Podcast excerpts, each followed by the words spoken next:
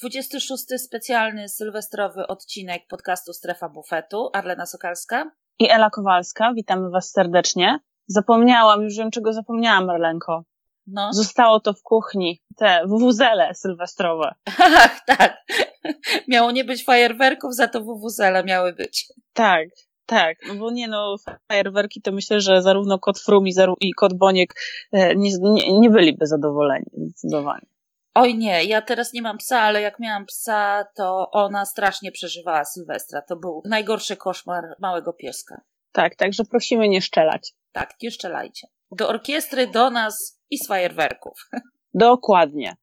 No to co, umówiłyśmy się na podsumowanko teraz, e, takie bardziej polskie, ale już nie będziemy tego robić w formie takiego quizu z dzwoneczkiem, jak miałyśmy ostatnio, tylko po prostu mówiąc tak bardzo kolokwialnie, przelecimy sobie po prostu przez poszczególne nazwiska, osiągnięcia i sobie o tych kolarzach naszych pogadamy.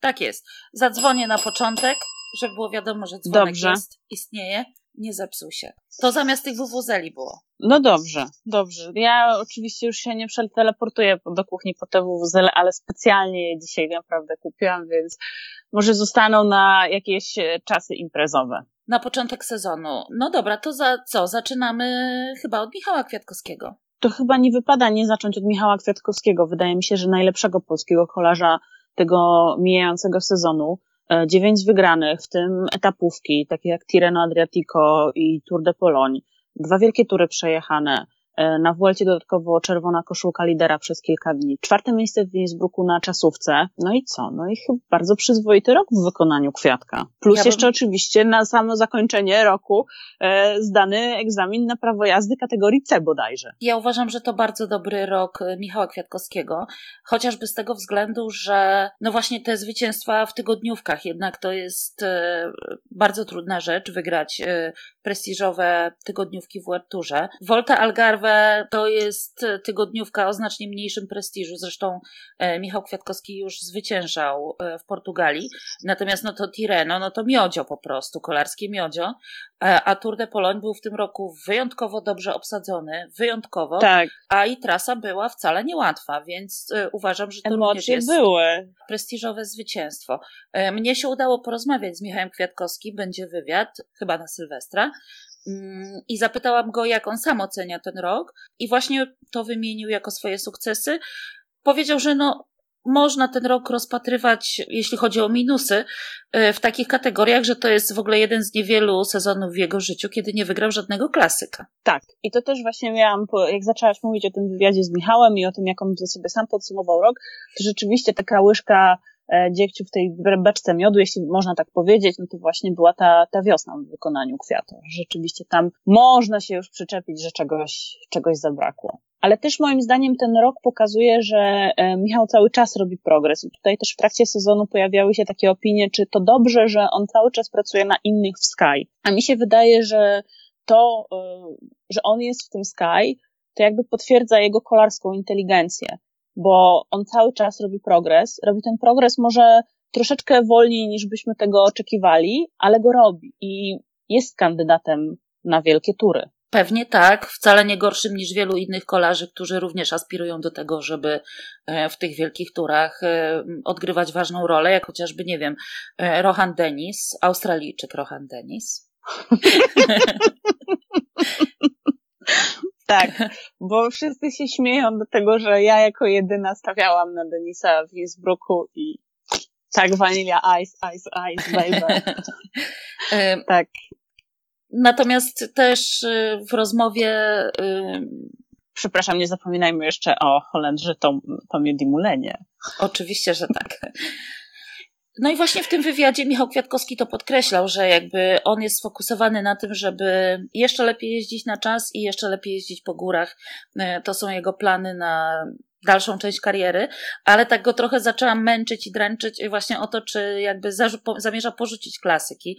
Powiedział, że w żadnym wypadku, bo uwielbia klasyki, sprawiają mu niesamowitą frajdę i w dalszym ciągu jego świętym gralem do zdobycia jest Lierz Baston Lierz i między innymi cały ten początek tego przyszłorocznego sezonu będzie podporządkowany temu, żeby on w klasyki ardeńskie wszedł w lepszej formie niż w zeszłym roku. No i pod tym kolejnym e, celem na przyszły rok jest Tour de France i Mistrzostwa Świata w Yorkshire. Tutaj się już nawet pojawiło takie delikatne pompowanie na balonika na Twitterku, że będzie druga tęcza. A jeszcze po prostu jesteśmy w starym roku. Y, Ojeju, jeju, jeju. To prawda. E, natomiast no, sam Michał Kwiatkowski powiedział, że on do końca swojej kariery będzie gonił za zwycięstwem w Mistrzostwach Świata i za tęczową koszulką. E, I powiedział, że Valverde jest inspirujący, jeśli chodzi o to właśnie gonienie do końca kariery e, tego tytułu mistrzowskiego. Tak sobie odchrząknęłam, jak tak o Alejandro żeś wspomniała.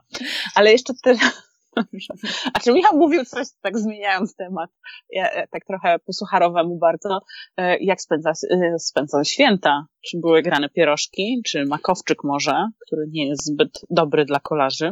Zapytałam e, go o twojego świętego grala, czyli o periodyzację węglowodanów. Jak, tak. Jak mu się tam to w święta układa? Powiedział, że będzie milczał na ten temat, bo to jest taka czarna dziura w tym zakresie. Czyli nie periodyzuje. W czasie świąt z pewnością nie. Ja też nie periodyzowałam węglowodanów, ani tłuszczy. Ale za to spędziłam już w środę 2,5 godziny na siłowni, potem w czwartek byłam na sportach i dzisiaj byłam na sportach i jutro idę na sporty, bo jestem makowcem. No Michał Kwiatkowski w ogóle powiedział, że święta to jest dla niego trochę próba charakteru, bo musi wyjeździć y, tyle, ile powinien wyjeździć tygodniowo, kilkadziesiąt godzin, a tu śnieg, deszcz, błoto i ogólnie nieprzyjemnie, więc y, łatwo nie jest. No, zawsze się można spakować, polecieć Ryanerkiem na Majorkę, no. Powiedział, że bardzo lubi spędzać święta w Polsce i to jest y, dla niego ważniejsze niż trudności na treningach. I periodyzacja węglowodanów. No dobrze, James Morton, miejmy nadzieję, nie patrzył za bardzo uważnie. No, to o ile Michał e, mógł ten rok uznać za, no, za udany mimo wszystko. I też, e, a, i też właśnie zapomniałam o jednej rzeczy, bo w brytyjskim Eurosporcie podkreślali, że to jest taki kandydat właśnie na te wielkie tury. To stąd właśnie ta moja opinia. No, ale o ile Michał może uznać e, ten sezon za udany, to tego sezonu chyba po raz kolejny za udany nie może uznać Rafał Majka.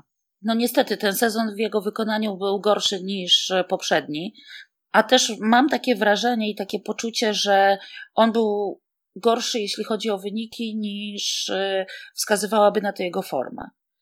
E, w ogóle on powiedział w jednym z wywiadów, że to był najgorszy sezon w jego karierze. Co też jest bardzo, bardzo, bardzo znaczące. Myślę, że tak. Zaskoczyły mnie te słowa, bo bo aż taki najgorszy to chyba jednak nie był, y, zważywszy na to, że on jednak utrzymywał tę formę całkiem niezłą, tylko w tygodniówkach zajmował szóste miejsca w Tour de France. Wiemy, Paryż, Roubaix, drugi tydzień, no. Tak, kraksy na brukach, potem słaba jazda w Alpach, Alpach, znacznie lepsza w Pirenejach, trochę brak szczęścia na Vuelcie, jeśli chodzi o zwycięstwo etapowe, no i myślę, że to, to taki rodzaj, te słowa o tym, że to był y, najgorszy rok w jego karierze, to taki trochę wynik właśnie takiej frustracji, bo myślę, że miał poczucie, że, że gdzieś powinien y, wylądować lepiej y, na koniec sezonu, a tutaj tym razem no nie bardzo się udało. Więc myślę, że, że to raczej taka, taka frustracja. Natomiast no, to jest kolarz, który się nie poddaje. Myślę, że w przyszłym sezonie będzie lepiej. Majka jedzie na Giro d'Italia. W sumie fajnie. Choć prawdę no powiedziawszy. Chciałam się ciebie zapytać, jakie masz odczucia, bo tutaj też po tych, e, po ogłoszeniu planów Rafała na przyszły sezon, właśnie taka dyskusja się wywiązała między kolarskimi fanami, entuzjastami, między entuzjastami kolarstwa. To ja powiem e, dwie rzeczy. Jedna to taka, że czasami trzeba się cofnąć e, o krok, żeby potem pójść e, dwa kroki naprzód. Tak jak to robił chociażby Thibaut Pinot, który wtedy, kiedy mu nie wychodziło w Tour de France, właśnie postanowił przyjechać na Giro d'Italia. Po prostu na Tour de France zbyt się spalał psychicznie, bo to jest jednak bardzo stresujący wyścig, zwłaszcza dla kogoś, kto ma być liderem swojej drużyny. To jest jakby jedna rzecz. A druga kwestia, którą chciałam powiedzieć, to jest ta, że ja wcale nie wykluczam tego, że Rafał Majka na Tour de France mimo wszystko pojedzie po przejechanym Giro. Ja w ogóle uważam, że to jest kolarz, który kto wie, czy tego drugiego wielkiego turu nie jest w stanie pojechać lepiej właśnie po takim przejechaniu niż na takiej absolutnej świeżości. Tak jak on do tej pory przystępował do tego Tour de France, naprawdę bardzo, bardzo wypoczęty, no bo y, trudno uznać, że te jego wiosny były jakieś takie obfite w, w starty. Mhm. No w tym roku zaczął wyjątkowo wcześnie, więc może to też y, miało wpływ, że, że jeździł w wyścigi, w, że zaczął już tak naprawdę w Kolumbii, z tego co ja pamiętam. Tak. I zakończył w październiku, no i Lombardią, tak? Więc to był naprawdę w jego wykonaniu ekstremalnie długi sezon. Może rzeczywiście rozłożenie inaczej tych sił. Właśnie pojechanie Giro, rozpoczęcie tego sezonu troszkę później. No miejmy nadzieję, że to będzie, to będzie to, czego Majce potrzeba. Na rozpoczęcie sezonu później zdecydował się też Michał Kwiatkowski, który wystartuje 24 lutego w UAE Tour taka dziwna nazwa. To jest wyścig, który jest połączeniem dawnego Dubaju i Abu Dhabi. Skoro już tutaj e, Majka Kwiatkowski, ten początek sezonu trochę późniejszy, to jeszcze jest jeden element, e, który łączy obu panów i który e, jest dla nich właśnie wspólny, jeśli chodzi o ten mijający sezon. Są to plotki, pogłoski, mniejsze lub większe, dotyczące ich dalszej e, przyszłości, pomarańczowej przyszłości bym nawet powiedziała, bo o ile e, jeśli chodzi o Rafała, to te pogłoski były takie już dosyć poważne, o tyle no Michał też już ma jakieś tam delikatne związki z, z ekipą, dlatego że CCC zaczęło, e, zdecydowało się na wsparcie jego akademii. O tym też oczywiście z nim rozmawiałam. E, powiedział, że jest bardzo wdzięczny za to wsparcie, bo zwłaszcza wobec e, kłopotów w Polskim Związku Kolarskim, e, to takie wsparcie mm, przez właśnie drużynę, która ma jednocześnie drużynę młodzieżowców i drużynę mm, werturową może oznaczać dla wielu utalentowanych kolarzy takie dobre przejście kolejnych etapów kariery, czyli od juniora, potem przez y, zespół młodzieżowy do werturu. Ja cały czas zresztą w ogóle uważam, że za mało Polaków jeździ w werturze, znaczy inaczej, do tego roku uważałam, że za mało Polaków no, jeździ w werturze. będzie właśnie wyjątkowy rok. Będzie to wyjątkowy rok i to mnie bardzo, bardzo cieszy, że właśnie dzięki CCC Team, no jakoś też ta droga droga Polaków do, do tej wielkiej kariery mm, mniejszej lub większej będzie chyba łatwiejsza znacznie łatwiejsza. A ja oczywiście też zapytałam, y, czy przecież wiadomo, że Michał Kwiatkowski nie jest w stanie odpowiedzieć dzisiaj na pytanie, czy będzie kiedykolwiek jeździł w CCC Team,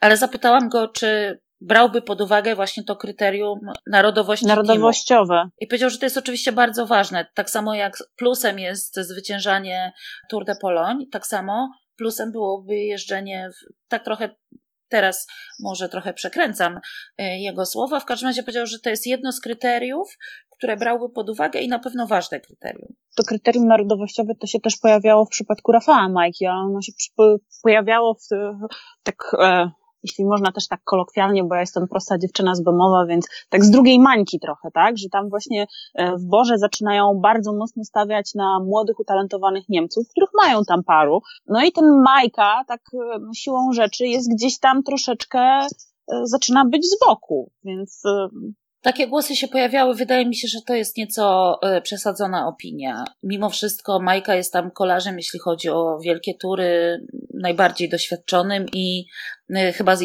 na ten moment z największym potencjałem, co udowodnił na Vuelcie, gdzie nie był liderem chociażby.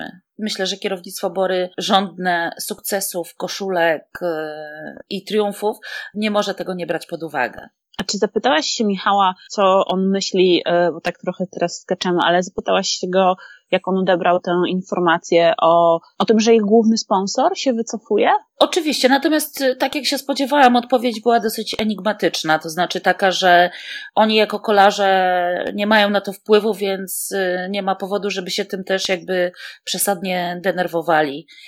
Jedyne, co oni mogą zrobić, to pokazać e, sukces sportowy i wtedy szefostwo ekipy będzie łatwiej znaleźć e, nowego sponsora. Ponieważ spodziewałam się takiej dyplomatycznej odpowiedzi, to też za bardzo tego tematu e, nie drążyłam, bo też jakby zdaję sobie sprawę z tego, że zawodnik nie może tutaj ani rozdzierać szat, ani zgłaszać innych pomysłów na znalezienie sponsora. Też ciekawą rzecz Michał Kwiatkowski odnośnie Sky powiedział w wywiadzie dla Interi, ale może to jest po prostu moje jakieś tam czepianie się, bo tutaj pada takie zdanie, że drużyna będzie nadal sponsorowana przez Sky do końca 2019 roku, a w 2020 również może oczekiwać wsparcia od obecnego partnera, czyli rozumiem, że tam że, że w 2020 roku też może oczekiwać jakiegoś wsparcia finansowego od firmy Sky. Czyli w tym momencie nasze dywagacje dotyczące tego, czy Dave Braceford zepnie budżet, no tutaj jakby po, patrząc na te słowa Michała, to są coraz bardziej, jest to coraz bardziej prawdopodobne, że on ten budżet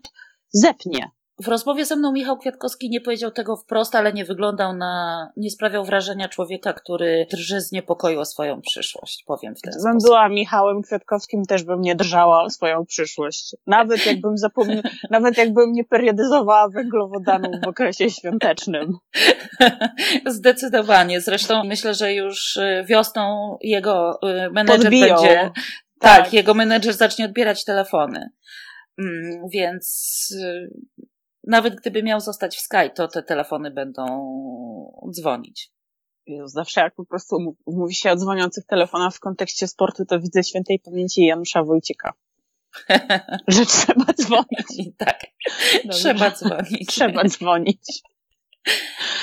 No dobrze, Natomiast Mar- y, y, jeszcze jedną rzecz ciekawą Michał dobrze. Kwiatkowski powiedział, bo się go zapytałam, właśnie jakby w kontekście tego, że być może kiedyś będzie jeździł w innej drużynie i tak dalej, i tak dalej, gdzie być może zostanie liderem na e, wielki tour, zapytałam go, czy jego zdaniem jest możliwe, żeby jakiś inny zespół, inny team przeciwstawił się tej potędze Sky na Tour de France. I on mi powiedział ciekawą rzecz, że patrząc y, i będąc w środku tego wszystkiego, czasami ma wrażenie, że wielu kolarzy już na starcie Tour de France zadowala się gdzieś w swojej głowie drugim albo trzecim miejscem. Że oni jakby od razu na starcie nie wierzą w to, że ktokolwiek jest w stanie wygrać. I powiedział, że gdyby był kolarzem, nie ze Sky, to starałby się sobie takie myśli wybić z głowy, bo jeżeli człowiek chce wygrać, to musi mieć własny pomysł na to, jak to zrobić. A to jest bardzo ciekawe spostrzeżenie, że już tak wszyscy odpuszczają mentalnie, dobra, przyjechali chłopcy od Dave'a, to już pozamiatane, tak? Dokładnie. Bardzo im też ułatwiają w sumie robotę. O, tak, tak, zdecydowanie.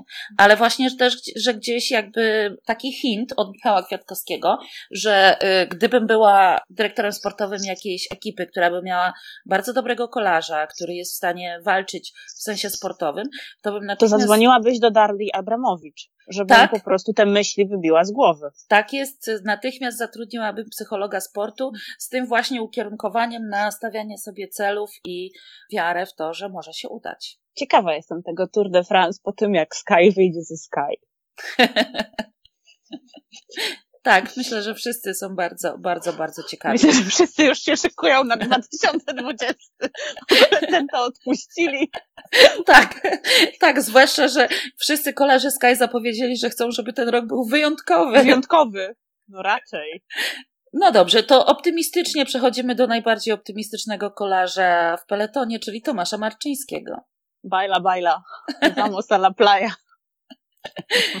No co, przyzwoity początek sezonu. Wydaje mi się, że Tomek się tam z tych zadań, które miał, z których miał się wywiązywać, to się wywiązał. Debiut w Tour de France, no a potem ta choroba, która pokrzyżowała mu plany, bo e, co mi się wydaje tutaj chyba najciekawsze, on był w szerokiej kadrze na Mistrzostwa Świata w Innsbrucku. Był i szkoda, że, szkoda, że zachorował, dlatego że to był kolarz, który mógł tam no, trochę coś zdziałać, bo to jakby e, jego klimaty, niewątpliwie. No nie był to tak oczywiście udany sezon Tomasza Marczyńskiego, jak ten, gdzie wygrał dwa etapy na Vuelcie. No nie, no nie, to był nie. sezon marzenie.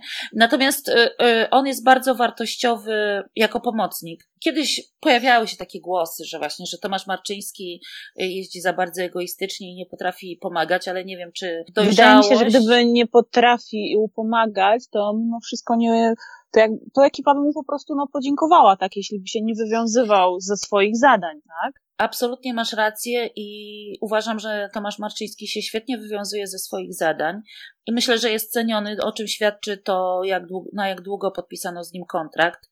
E, a oprócz tego jest człowiekiem, e, który robi najlepszą atmosferę w drużynie. A to z kolei atmosfera atmosfery dziwne peszko. tak, to ale tu... straszne. Boże, co ten futbol zrobił z moją głową. A. Tak, ale tutaj ja myślę, że w kolarstwie jest bardzo ważne to nastawienie psychiczne właśnie lidera i jeśli lider ma pomocnika, który potrafi wprowadzić dobry nastrój, trochę go podbudować, to to jest czasem nawet może bardziej znaczące niż e, pomoc na trasie. Mi się też wydaje, że jeśli chodzi o tę atmosferę, tutaj ja się oczywiście śmiałam, Sławek, Peszko i tak dalej, natomiast to, co w Tomku jest bardzo fajne, to jest to, że że on ma taki luz w sobie, ma bardzo duży luz i on bardzo dobrze znosi, wydaje mi się, te presje i oczekiwania, że on się po prostu tą jazdą na rowerze bardzo bawi i to mu sprawia olbrzymią frajdę. I też y, wydaje mi się, że dzięki, i to, to jest ta wartość, którą on w tworzeniu tej atmosfery też, też wnosi po prostu. Masz rację, robiłam z nim wywiad wiosną tego roku i on właśnie e, cały czas opowiadał o tym, jak wielką radość wciąż sprawia mu jazda na rowerze i on ciągle nie myśli o tym, kiedy skończyć karierę, bo mówi, że dopóki jazda na rowerze będzie mu sprawiała radość, to on chce dalej to robić. Myślę, że wielu kolarzy jest takich i wielu w ogóle zawodników jest takich, którzy gdyby mieli taką mentalność właśnie jak Tomek Marczyński, osiągnęliby o wiele większe wyniki. Właśnie dzięki temu takiemu no tak jak Skutkowie mieli kiedyś napisane e, narciarscy na nartach, e, mają po prostu luz, że mieli po prostu luz w dupie, no. Mam nadzieję, że Tomek Marczyński się nie obrazi, że tak tutaj ten luz w dupie się pojawił. Myślę, że nie. To dobrze. Nie wygląda na człowieka, który obrażałby się o takie rzeczy. To cieszę się, bo teraz podobno chyba w ogóle leci do Australii, więc nawet nie wiem, czy on przypadkiem gdzieś teraz właśnie nie leci, nie przesiada się czy czegoś w tym stylu nie robi. Całkiem niewykluczone. Kolejne nazwiska, jak ty widzisz? Który kolarz polski, zapytam cię teraz, będzie pytanie do eksperta. No, troszeczkę zmienimy konwencję. Który polski kolarz zrobił na tobie największe wrażenie w tym roku? Jeszcze. Poza tymi wymienionymi. Tak. Szymon Sajnok. A to u mnie ja bym powiedziała Łukasz Owsian. Też, to prawda. Będzie jeździł w Werturze. Tak, i tutaj w pewnym momencie zapadła taka krępująca cisza, jak Karlena powiedziała Szymona, ja powiedziałam Łukasz. Tak, no obaj w zasadzie będą jeździć w Urturze, nawet w tej samej ekipie. I jestem bardzo ciekawa, jak to sobie Szymon ułoży, bo przecież też jest, odbędą się cały czas mówią i w ogóle są tacy aktywni w social media, że łuf, łuf, łuf. E, Polski Związek Kolarski, który zachęca do zakupu biletów. Mówisz o Mistrzostwach Świata e, na torze w Pruszkowie. Ja tylko wiem, że tam, gdzie kończą się reguły, zaczyna się Pruszków. tak, tak. No. Dzisiaj po prostu odcinek pełen sucharów. Pod koniec roku musimy się wyprztykać ze wszystkich, żeby na nowy rok były nowe suchary. Nowe suchary, tak. No w każdym razie mam nadzieję, że te Mistrzostwa Świata dojdą do skutku i, yy, i będą wyglądały przynajmniej tak jak Puchar Świata na torze w Pruszkowie, który był całkiem udaną imprezą.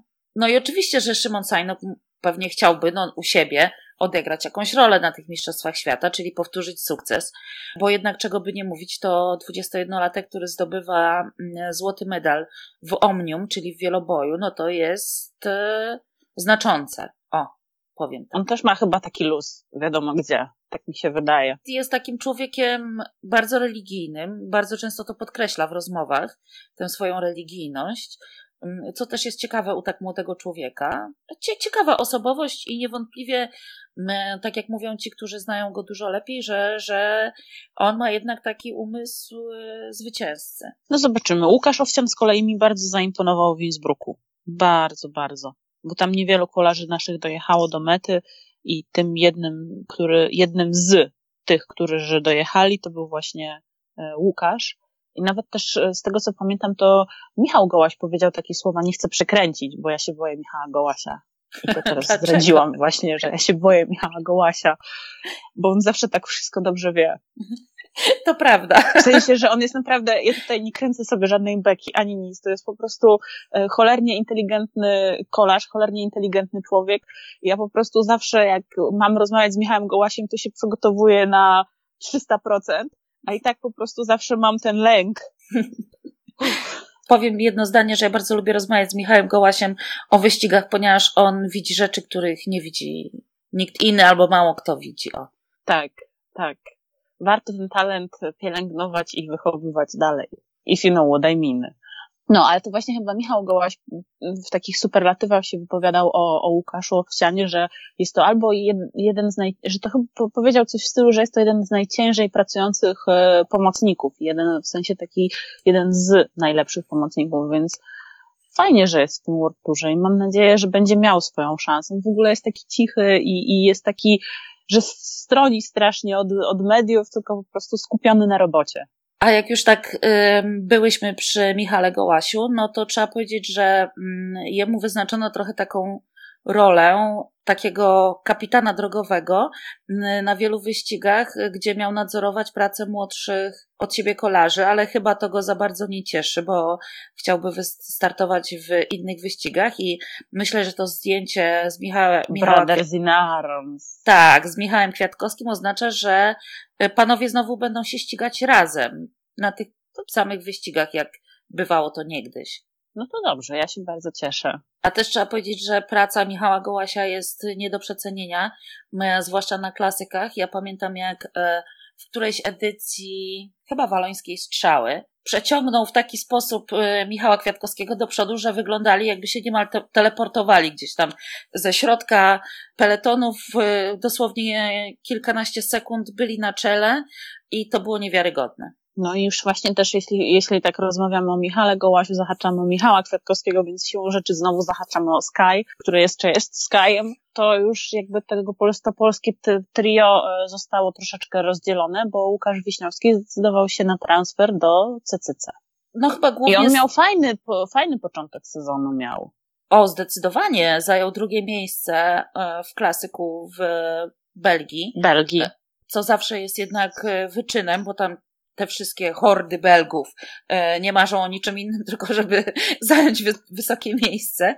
Znam e... takiego Belga jednego osobiście, który marzy o wysokim miejscu. E, I oczywiście w CCC będzie, czy jest Belg, który marzy naprawdę o poważnych zwycięstwach. Mam na myśli Grega Van Avermata. No ale myślę, że Łukasz Wiśniowski otrzyma swoje szanse, bo Van Avermaet y, nie wszędzie jest w stanie wystartować, a też chyba troszeczkę inne klasyki Łukasz Wiśniowski lubi, ponieważ on lubi te, gdzie, je, gdzie są bruki. Bruki. I gdzie jest bardziej płasko. Natomiast e, Greg Van Overmat jednak chyba bardziej lubi, żeby były jakieś góreczki. No miejmy nadzieję w takim układzie, że się chłopaki jakoś podzielą. I w ogóle ten transfer Wiśniowskiego, tak mi się wydaje, że, że pasuje do tej filozofii CCC, e, o której wspominał Piotr Wadecki, którą opisywał Piotr Wadecki u Adama Probosza wjechało, bo tutaj też się pojawiły takie opinie, że dobry sezon miał, pojechał Paweł Cieślik. Paweł Cieślik, który wrócił po bardzo poważnej chorobie, bo on miał operację bodajże serca, coś, coś takie tak. miał problemy chyba kardiologiczne, z tego co dobrze pamiętam. I właśnie tutaj też y, jakby entuzjaści kolarstwa tak trochę się zastanawiali, dlaczego, e, dlaczego Pawła Cieślika nie ma w tym World Tourowym składzie, co też zresztą Piotr Wadecki wyjaśniał, że oni starają się tak bardzo nie rozdrabniać i budują zespół wokół Grega Van Avermata, więc no Wiśniowski jest absolutnie no, jak najbardziej trafiony, tak, pod względem swojej charakterystyki. I wydaje mi się, że jak na ten pierwszy rok, który będzie też dla tej ekipy taki troszeczkę można powiedzieć przejściowy, to jest to sensowne, żeby skupić się na jednym silnym punkcie. Ciekawy plan przedstawił y, Piotr Wadecki, na przykład jeśli chodzi o jazdę w Tour de France, bo to też oczywiście jest jakiś pomysł na, na ten wyścig, na rozliczenie tego wyścigu, a mianowicie taki to oto pomysł, że trzeba bardzo dobrze pojechać y, jazdę drużynową na czas i dzięki czemu kolarz pokroju, nie wiem, Grega Van Avermata na kolejnych etapach jest na przykład w stanie e, spróbować wywalczyć żółtą koszulkę lidera. Koszulkę.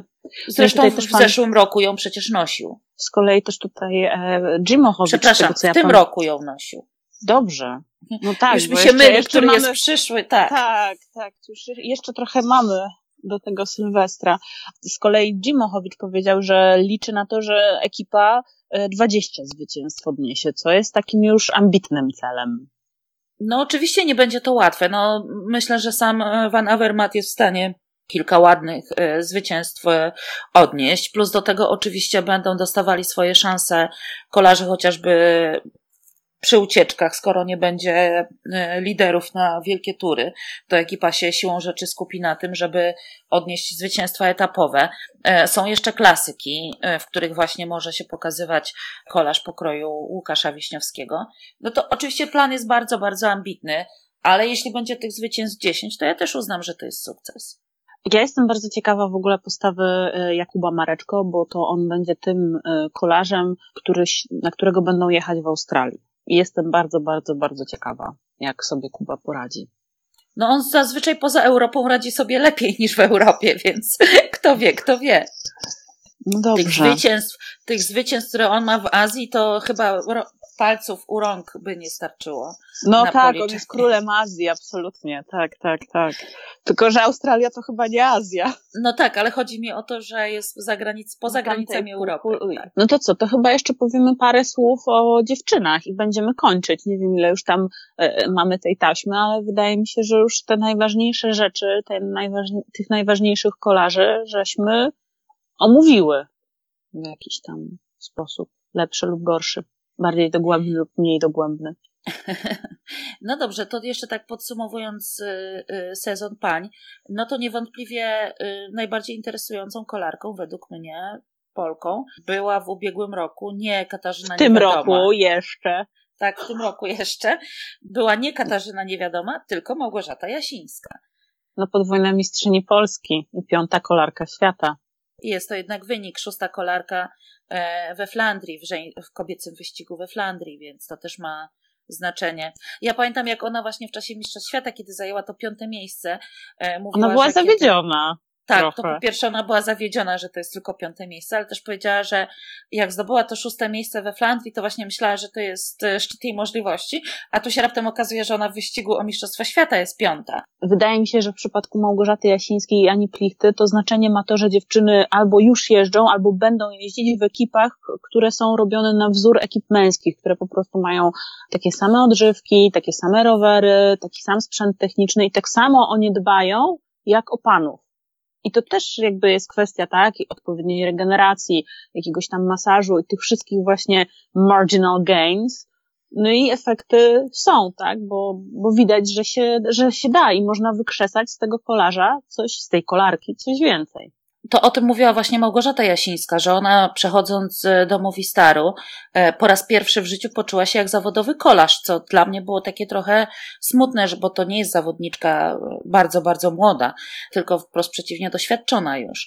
I to jest przykre, że tak, a nie inaczej wygląda kobiece kolarstwo. Ja mam nadzieję, że ono się będzie zmieniać. Między innymi chociażby dzięki ekipie też CCC Liv, gdzie będzie jeździć Marianne Vos w roli liderki, no i będą dwie Polki, czyli Agnieszka Skalniak i Marta Marta Lach. Marta Lach, tak, tak, będzie pomarańczowo w peletonie. A przypomnijmy, Agnieszka Skalniak była świetnie zapowiadającą się juniorką e, z medalami Ona dwa razy. Tak, tak, dwa razy zdobywała brąz, z tego co tak. pamiętam. Więc mam nadzieję, że to też jest jakby taka e, kolarska przyszłość. Marta Lach z kolei to jest bardzo solidna zawodniczka. Myślę, że też jakby stać ją na więcej. Natomiast e, ciekawe, ciekawe jest to, co się stało z Kasią Niewiadomą bo Kasia niewiadoma ten sezon to właściwie może chyba zapisać do takich mniej udanych. Właściwie było całkiem nieźle wiosną, bo znowu była druga w Stradę Biankę. I ja jej strasznie serdecznie życzę, że po tych trzech drugich miejscach y, w Stradę Biankę rok po roku, no żeby ona w końcu ten wyścig wygrała.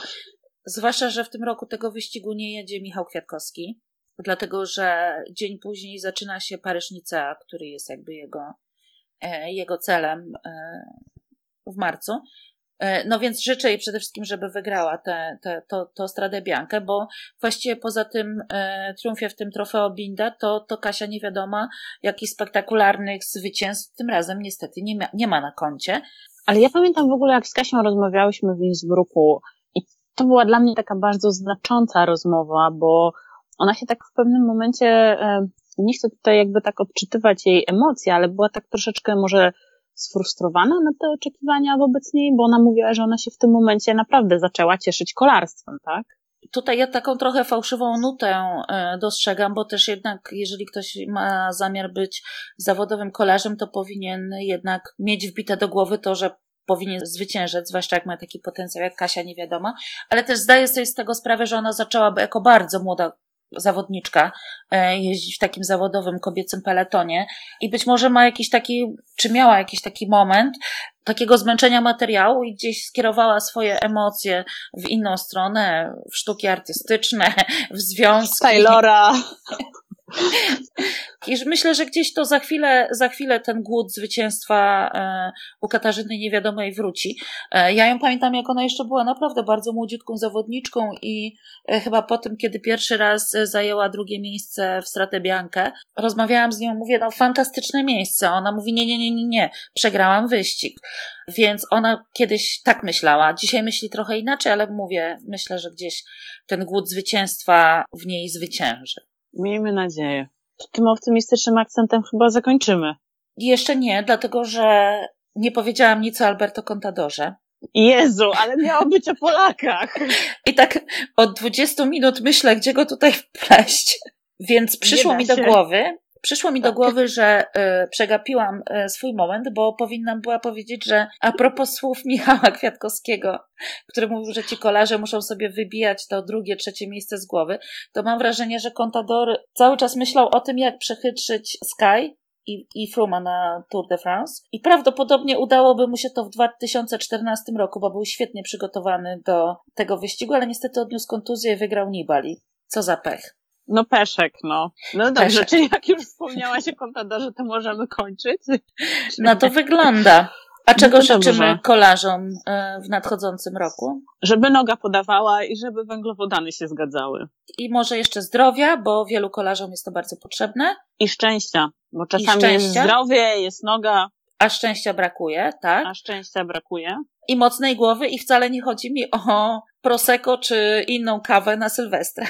I jeszcze życzymy im stabilnych sponsorów, a nie takich jak pan Zakład Blue Sport na przykład. Miejmy nadzieję, że ci sponsorzy jednak są poważnymi ludźmi i nie będą robić takich I nie są dziwnych. takimi sponsorami i nie są takimi ludźmi jak na przykład pan Van Dalle, który e, cały czas nie przelał Wiśle Kraków 12 milionów. No tak, to już jest w ogóle skandal. To jest cirkus. No dobrze, mordeczki kochane, to słyszymy się w przyszłym roku dopiero. I w przyszłym sezonie. Musiałam powiedzieć mordeczki. No i Bo super. To jest taka moja szydera na influencerów i influencerki. A, jeszcze musisz powiedzieć te łapki w górę, e, klikajcie. A, tak. tak, mordeczki, dawajcie suby, klikajcie, lajkujcie. W ogóle bądźcie z nami, szerujcie, e, retweetujcie, podawajcie dalej i róbcie Insta Story, w ogóle wszystko róbcie. No to do siego roku. Do siego roku.